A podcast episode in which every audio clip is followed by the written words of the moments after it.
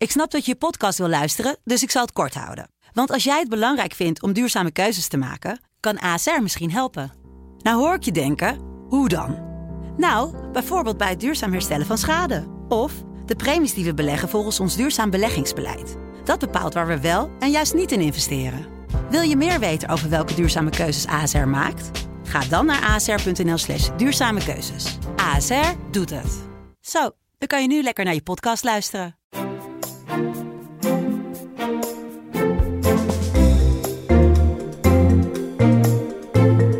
De DFT Podcast met Herman Stam en Martin Visser.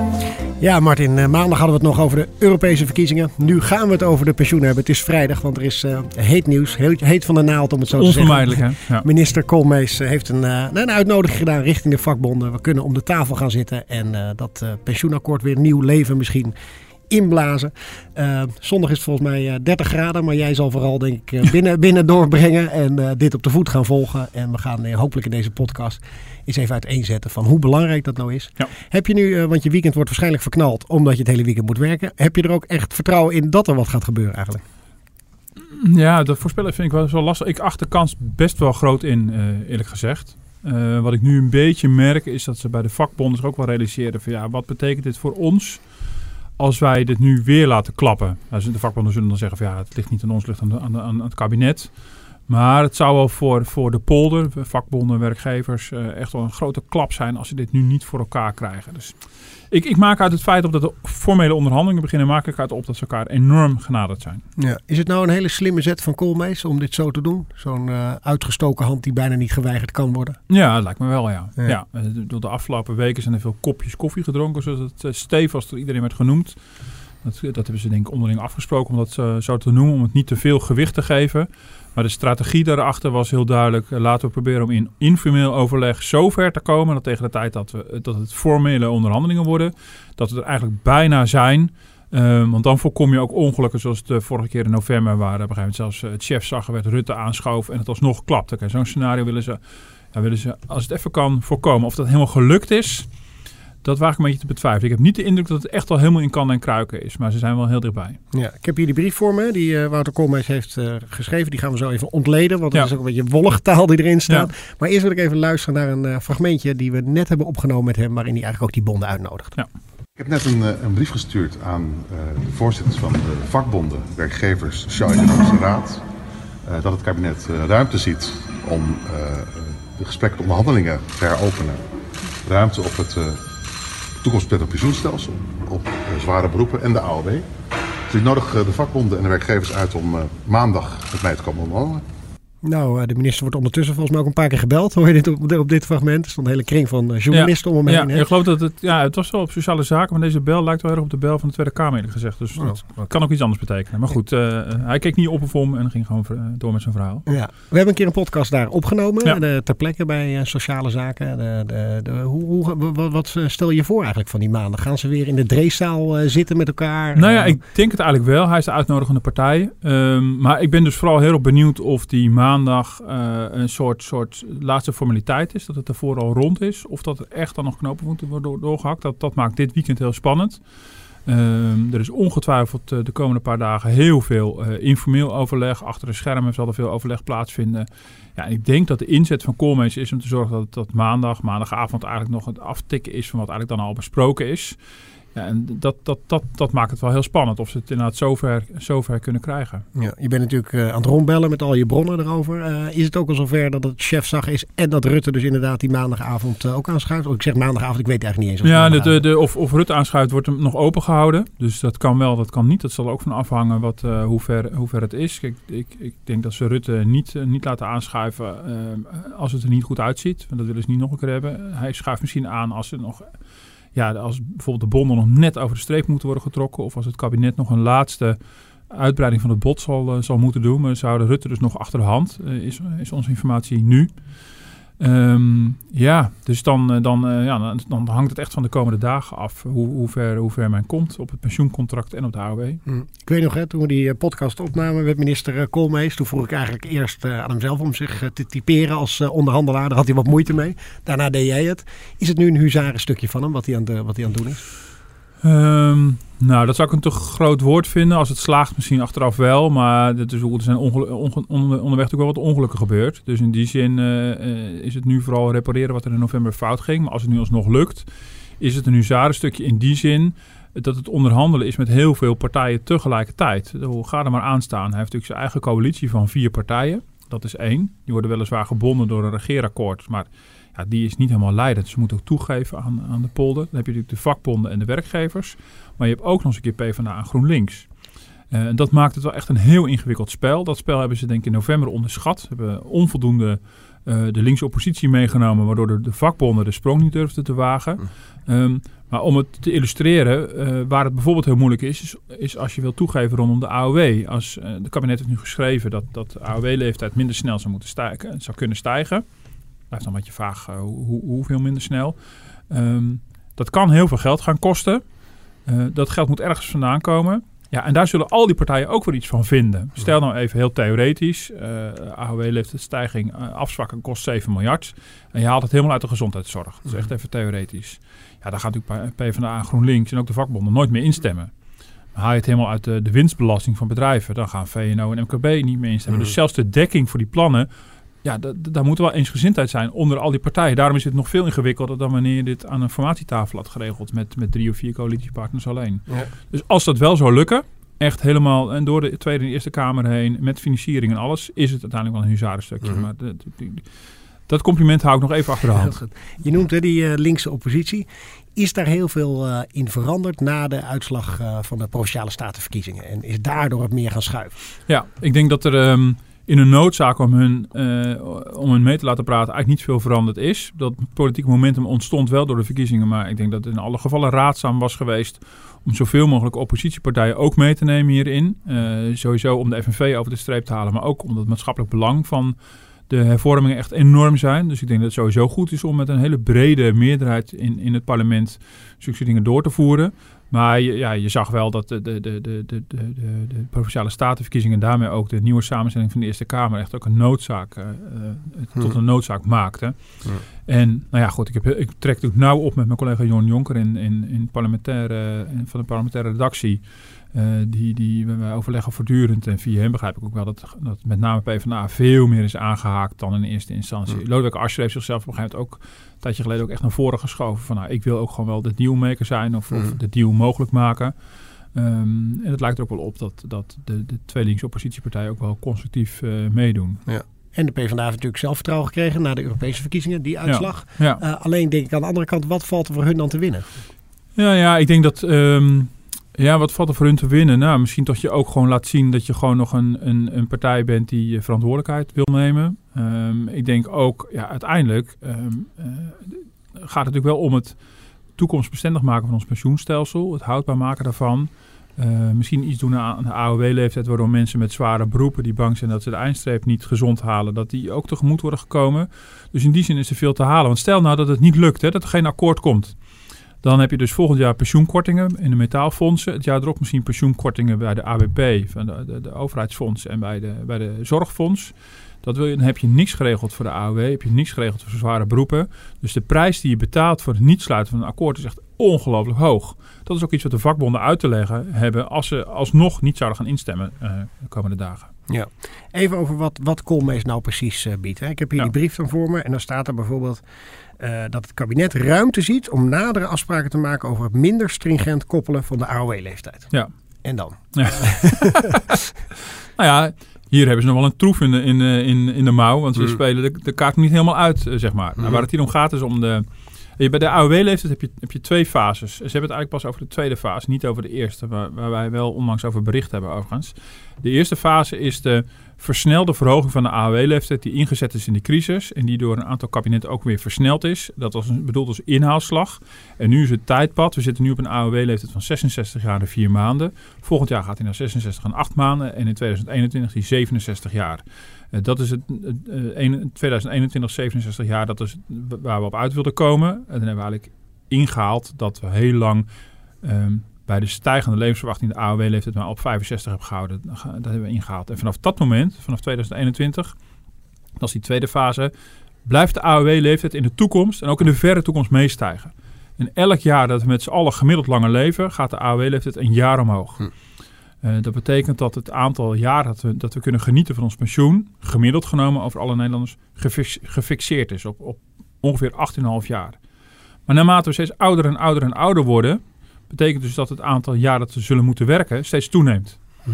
En eh, ja, er is inmiddels wel brede consensus ontstaan in de politiek dat dat eigenlijk niet logisch is. Dat noemen ze dan de één op één koppeling. Het zou logischer zijn om te zeggen van voor elk extra levensjaar moet je nou, bijvoorbeeld een half jaar langer werken en een half jaar krijg je dan pensioen. Of, of eh, een, een, een drie kwart jaar langer werken en een kwart jaar pensioen. Dat je op een manier die koppeling afzwakt. Daar, daar doelt dit op. Maar ja, dit, de financiële winst hiervan is al lang ingeboekt.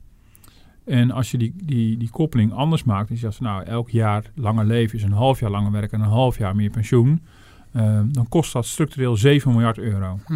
En ehm, ja, dat geld moet ergens vandaan komen. En nou goed, dat gebruikte ik net als illustratie. Dat is echt heel groot geld. Eh, ik had natuurlijk stiekem gehoopt dat in de brief van Koolmees al duidelijk zou zijn wat ze precies bieden. Maar dat laat hij in het midden. Dat heeft hij achter de schermen ongetwijfeld wel gezegd. Daar horen we heel weinig over. Hij heeft ook toezeggingen gedaan, hebben wij op basis van eh, eh, eh, allerlei bronnen en ingewijden over die eerste fase. Het tempo waarmee naar die 67 toe gaan. Dat staat in deze brief helemaal niet eens vermeld. Dat vind ik echt opvallend. De vakbonden eisen een bevriezing van de AOW-leeftijd voor een aantal jaren. Nou, daar zijn, zou wel wat ruimte zitten. Dat kost ook minder geld. Ja. Als je het nou vergelijkt hè, met het eh, buitenland, hè, die AOW-leeftijd, eh, ehm, dan vertel je mij vaak van ja, eh, daar is het minder sociaal, want het is vooral eigenlijk voor werkenden bouwen Ja. die AOW-premie Ja. op. Hè? Is Ja. dat nog iets wat nu weer op de tafel ligt, om, om dat, het stelsel op die manier te veranderen? Nou ja, ik geloof dus van niet. En dat is wel, dat is wel interessant. En heel veel, heel veel andere, in ieder geval Europese landen, ehm, zijn, er, zijn de pensioenen gekoppeld eh, aan het aantal jaar dat je hebt gewerkt. Ehm, in Nederland is het bij de AOW in ieder geval niet zo, bij het aanvullend pensioen natuurlijk wel. Want dat, dat, dat aanvullend pensioen bouw je alleen maar op via je werkgever. Maar de AOW, ja, ooit waren we daar heel trots op dat vadertje Drees een soort basisvoorziening maakte. Het is een volksverzekering. En iedereen die in Nederland woont, heeft er recht op. Dus als je zoveel jaar hebt gewoond in Nederland, heb je recht op, eh, op AOW. Dus ook eh, weet ik veel, de huisvrouw die, die ervoor gekozen heeft om voor een gezin te zorgen en niet te gaan werken. eh, meer in de traditionele verdeling, zeg maar. Ook daarvoor gold gewoon een AOW. En, ehm, maar je ziet dus nu, nu de discussie over die zware beroepen zo, zo enorm opgeleid is de afgelopen jaren. Dat steeds meer mensen zeggen van ja, ook, ook onze lezers, van ja, het is eigenlijk zou veel, veel eerlijker zijn als je AOW krijgt als je 45 jaar hebt gewerkt. Maar ja, zo, dat is niet de basis van onze regeling. En in heel veel andere buitenlanden is dat wel. Het voordeel is dat, dat eh, in ons geval eh, in Nederland is er relatief weinig armoede onder ouderen. In tegenstelling tot heel veel andere landen, waar er wel veel meer armoede is. We hebben dus een prachtige basisvoorziening voor iedereen die hier heeft gewoond. Ongeacht of je hebt gewerkt, hoeveel je hebt gewerkt, eh, wat je hebt verdiend. Ja, dus als je dat los gaat laten en dat gaat koppelen aan je arbeidsverleden, waar wat voor te zeggen is vanuit het hele zware beroependiscussie, Mhm. ja, heb je wel, dan ga je wel de, de AOW echt, maak je echt wel een hele andere regeling van. Dus het is Mhm. gewoon technisch moeilijk uit te voeren. Dus ik, ik zie wel dat er heel veel sympathie voor is. Ook in de FNV-kringen zie je wel 40 jaar is genoeg of 45 jaar is genoeg. Ehm, maar dat heb je niet zomaar gedaan. Dus ik zie dat niet als uitkomst van deze, deze onderhandelingen komen. Terwijl dat iedereen aanvoelt, ja, dat zou wel een logische manier zijn om mensen met een zwaar beroep tegemoet te komen. Omdat er wel een, nou ja, de meeste mensen met zware beroepen vaak ook eh, eer- vroeg begonnen zijn met werken, eh, lager opgeleid zijn, een kortere levensverwachting.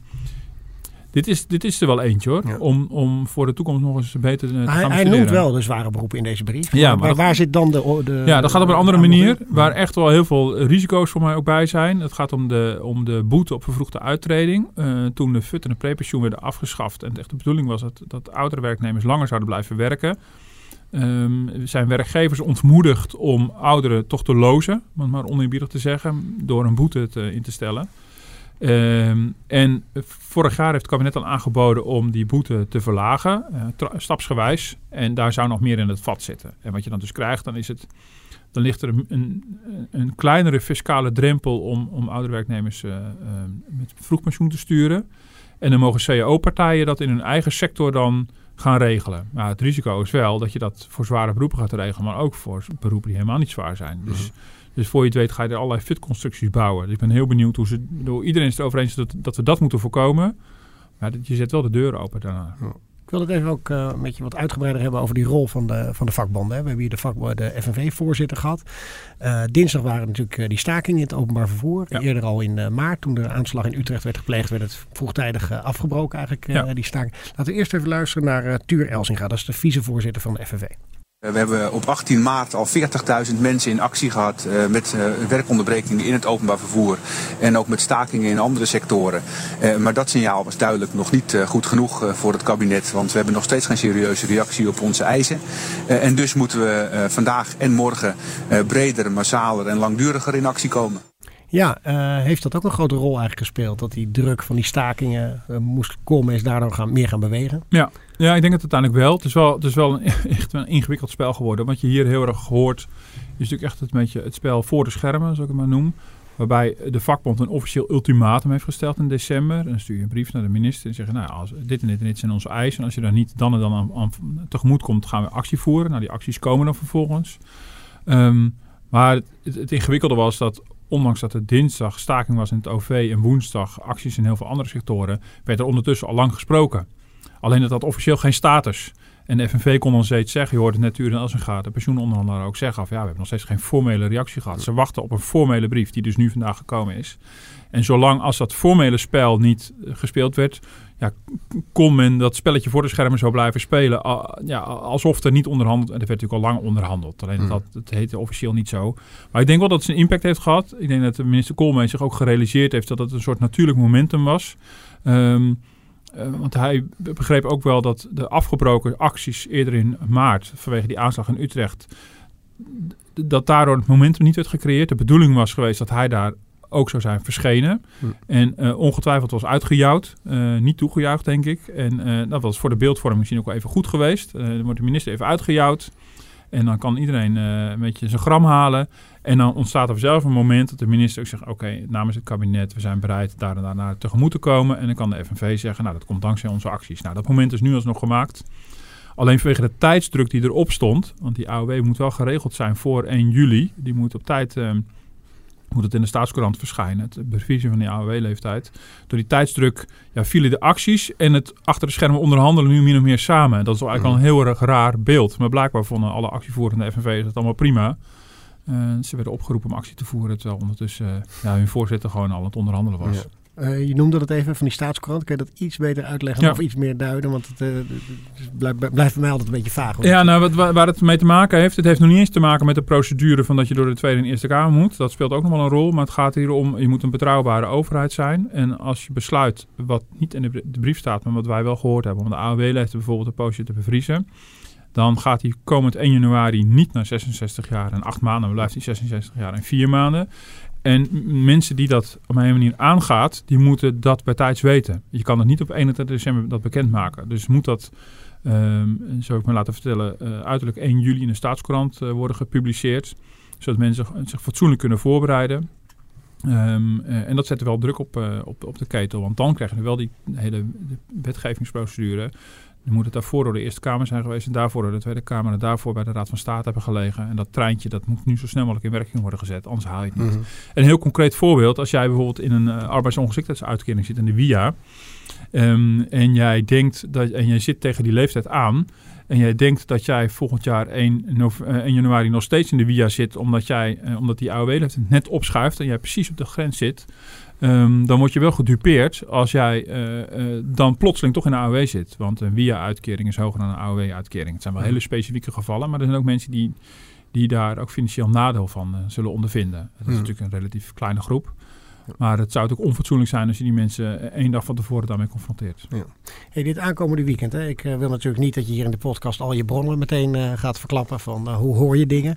Maar er zal ongetwijfeld heel wat gelekt gaan worden, want mensen hebben natuurlijk allerlei belangen om dit weekend dingen te gaan zeggen. Of denk je juist van de, nou, de, klep gaat er juist even op en wacht maar even. Nou, het valt mij de laatste dagen op dat, dat de telefoon niet eens meer wordt opgenomen in heel, veel, heel veel gevallen.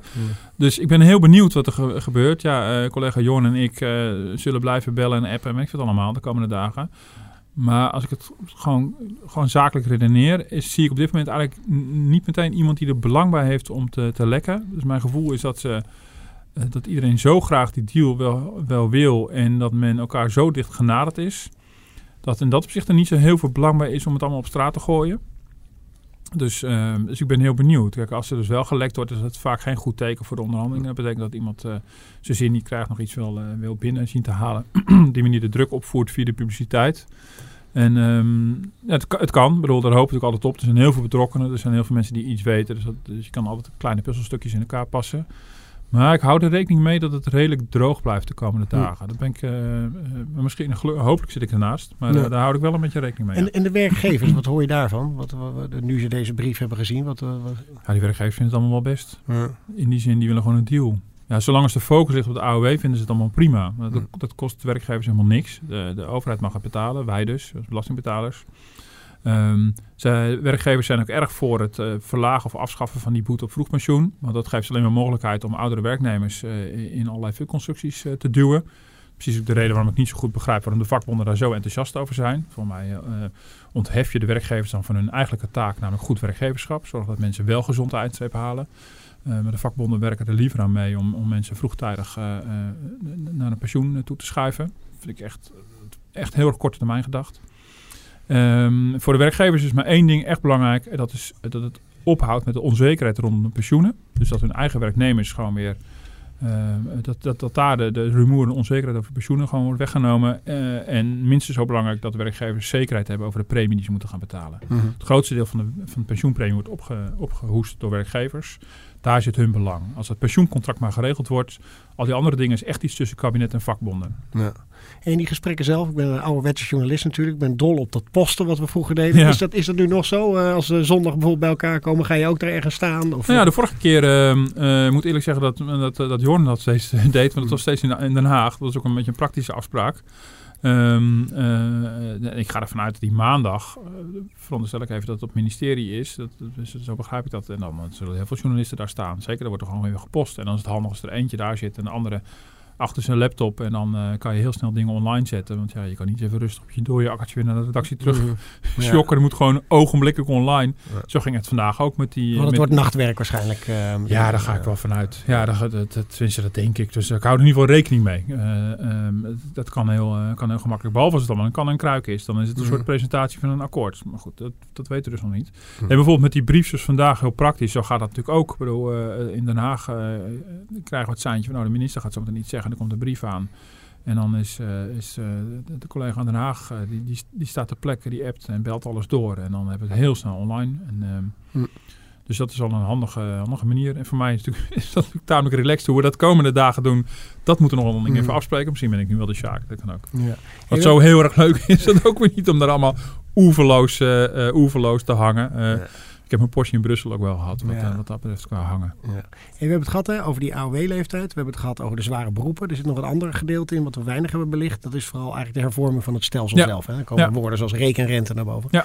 Wat uh, valt daarin uh, te verwachten voor wat, wat Koolmees op tafel heeft? Nou ja, wat, um, um, ik denk dat wat je vooral ziet is dat vanuit kabinet en werkgevers vooral wordt uitgestraald al een hele tijd van nou, dat is eigenlijk een done deal, daar zijn we wel klaar mee. Daar waren we in november eigenlijk wel klaar mee. En ze walsen nogal gemakkelijk over de laatste bezwaren van een aantal vakbonden heen. Uh, wat we weten is dat uh, in november er wel degelijk nog heel veel onzekerheid was rondom één specifieke pensioenhervorming die Koolmees per se wil. Uh, dat is namelijk de afschaffing van de doorsneepremie. Dat is het systeem waarbij jongeren in verhouding wat te veel betalen en ouderen wat te weinig. Uh, dat is heel erg geënt op dat je je hele leven bij dezelfde baas werkt in dezelfde sector. Um, uh, dat is een systeem dat hij overeind wil gooien. In, in een, echt een poging om een, eerste beweging te maken naar een meer individueel pensioen. Dus jouw, jouw premieinleg is van jou en moet, moet renderen alleen maar ten gunste van, jou, van jouw pensioen en niet met ten gunste van andere generaties. Dat kan als je het niet compenseert op een of andere manier, enorme gevolgen hebben voor bepaalde leeftijdscategorieën. Dat wordt nu allemaal onderzocht op dit moment bij een aantal pensioenfondsen hoe dat uitpakt. Eh, ik ben heel benieuwd hoe dat, hoe dat zit. Het is wel meteen heel technisch. Dus in de communicatie is dat ook veel lastiger om, om, om naar buiten daarover te lekken en om dat te framen. Dus je ziet dus dat alle aandacht gaat naar de AOW, omdat het veel duidelijker is en voor mensen veel tastbaarder. Mm. Maar wat je ziet is dat, um, waar er wel overeenstemming over is, is dat, uh, dat, dat er een, een pensioenstelsel komt waarbij de garantie op een bepaalde pensioenuitkering eraf gaat. Nou, we weten dat die garantie al, al niet zoveel waard was, maar officieel is het een garantie. Die gaat eraf. We krijgen dus een onzekerer pensioen, uh, waarbij, uh, waarbij er sneller um, geïndexeerd kan worden, aangepast aan de prijs. Maar ook de kans iets groter is dat er een keer gekort moet worden. Dus het gaat, het gaat wat meer op en neer, dat pensioen is wat bewegelijker geworden. Ehm, waarbij dus het pensioen dus niet per se hoger wordt, maar het in principe wel duidelijker zou moeten worden, omdat je niet die oeverloze solidariteit hebt over de generaties heen. Ehm, maar de, de, andere kant is wel, het blijft wel echt een heel collectief pensioen, waar ook nog, nog steeds wel heel veel solidariteit in zit. Daar wordt door de techneuten wordt dan, best wel over gevochten, van hoeveel, mhm. hoe solidair mag het zijn en hoe, hoe individueel wordt het. Ehm, eh, dus in die zin ben ik wel heel benieuwd hoe, hoe, ja, hoe majeur eigenlijk die, die wijziging zal zijn. En Koolmees hoopt eigenlijk dat het een soort opstap is naar een stapje voor stapje steeds persoonlijke pensioen. Wat dus Koolmees en D66 heel graag willen. Mm Waar de vakbonden nogal tegen zijn. Uh, en dan heb je nog die rekenrente. Dat is nog, um, um, dat is nog wel een ingewikkeld ding. Dus daarmee kan je bepalen wat, eh, wat, de, wat de verplichtingen van pensioenfondsen zijn. Omdat de rente nu zo krankzinnig laag is. Nou, vandaag schoot de Nederlandse 10-jaarsrente onder de 0%. Dat is inmiddels negatief geworden. Ja. Dat is heel slecht, voor, heel slecht nieuws voor de pensioenfondsen. Die moeten de marktrente gebruiken om hun verplichtingen tegen te waarderen. En er wordt nog altijd uh, uh, ja, achter de schermen gediscussieerd over die rekenrente. Of we niet uh, ja, het vroomste jongetje van de Europese klas zijn. Of dat niet mm. allemaal anders kan. En Koolmees, uh, naar mijn informatie, heeft de afgelopen week tot twee keer toe uh, aan, de, aan de voorzitters duidelijk gemaakt dat hij absoluut niet in de rekenrente wil tornen. En dat ligt bij een paar vakbonden nog heel, heel moeilijk. Dus die afweging mm. moeten ze gaan maken. Is alle beweging de AOW het ons waard? Om die rekenrente daar het verlies op te nemen. Ja. De laatste vraag. Um, nou, je bent voor jou doen redelijk positief hè, dat er wat uitkomt. Maar aan de andere kant zijn er heel veel open eindjes nog. Ben je niet bang dat het weer zo'n akkoord wordt waar iedereen een beetje uit kan shoppen? En dat we uiteindelijk denken van ja, was dit nou de hervorming waar we eigenlijk uh, naartoe hadden moeten gaan? Ja, nou niet zozeer vanwege het shoppen, maar ik zit in mijn hoofd wel eens een, een, eh, een overzicht te maken van wat lost dit straks precies op en voor wie. Hm. Ik ben toch wel heel erg bang dat. Uh, ik vind het heel ik, ik vind het heel legitiem om iets te doen voor mensen met een zwaar beroep. Voor, voor, voor, voor, de, voor de huidige generatie, nou, 50 plus zeg maar, die, die, die denkt, ja, ik heb me niet kunnen prepareren op die snelstijgende AOW-leeftijd. Dat je daar iets voor doet, vind ik heel logisch. Maar ik ben toch bang als we de optelsom straks gaan maken voor wie is het nou goed, dat het uiteindelijk dat het voor jongeren niet goed is. En zeker als je ook nog eens aan die rekenrente gaat beginnen, dat je toch een beetje gaat, uh, ja, gaat teren op, op, op, op de toekomst, zeg maar. Um, ja, dat, dat is toch wel een beetje mijn, uh, mijn angst. Uh, En ik denk dat dan de betrokken partijen denken van nou, we hebben in ieder geval, we hebben in ieder geval iets. En het Koolmees ja. ook zo denken van nou ja, ik heb bijvoorbeeld de doorsnitpremie afgeschaft. Uh, er is in ieder geval een pensioenakkoord. We zijn van die pensioengarantie af. Ehm, ja, dus ik denk wel dat het belangrijk is. Maar of dit nou een definitieve oplossing is, daar, daar heb ik wel eens een beetje mijn twijfels over. Ja wil je hartelijk danken dat we dit zo snel hebben kunnen doen. Ik wens je veel succes het komende weekend, want het uh, wordt hard ja, het werken. Gaat, ja, het gaat toch regenen, dus kan schijnen. Ja, precies. We krijgen nog een weersvoorspelling erbij. Uh, en waarschijnlijk, uh, nou ja, we zullen maandagavond afwachten, maar waarschijnlijk kunnen we meteen dinsdag dan weer een podcast opnemen over wel of niet een akkoord is Precies. Je kan ons ook beluisteren op Spotify en op iTunes. En ik zou zeggen, tot de volgende keer.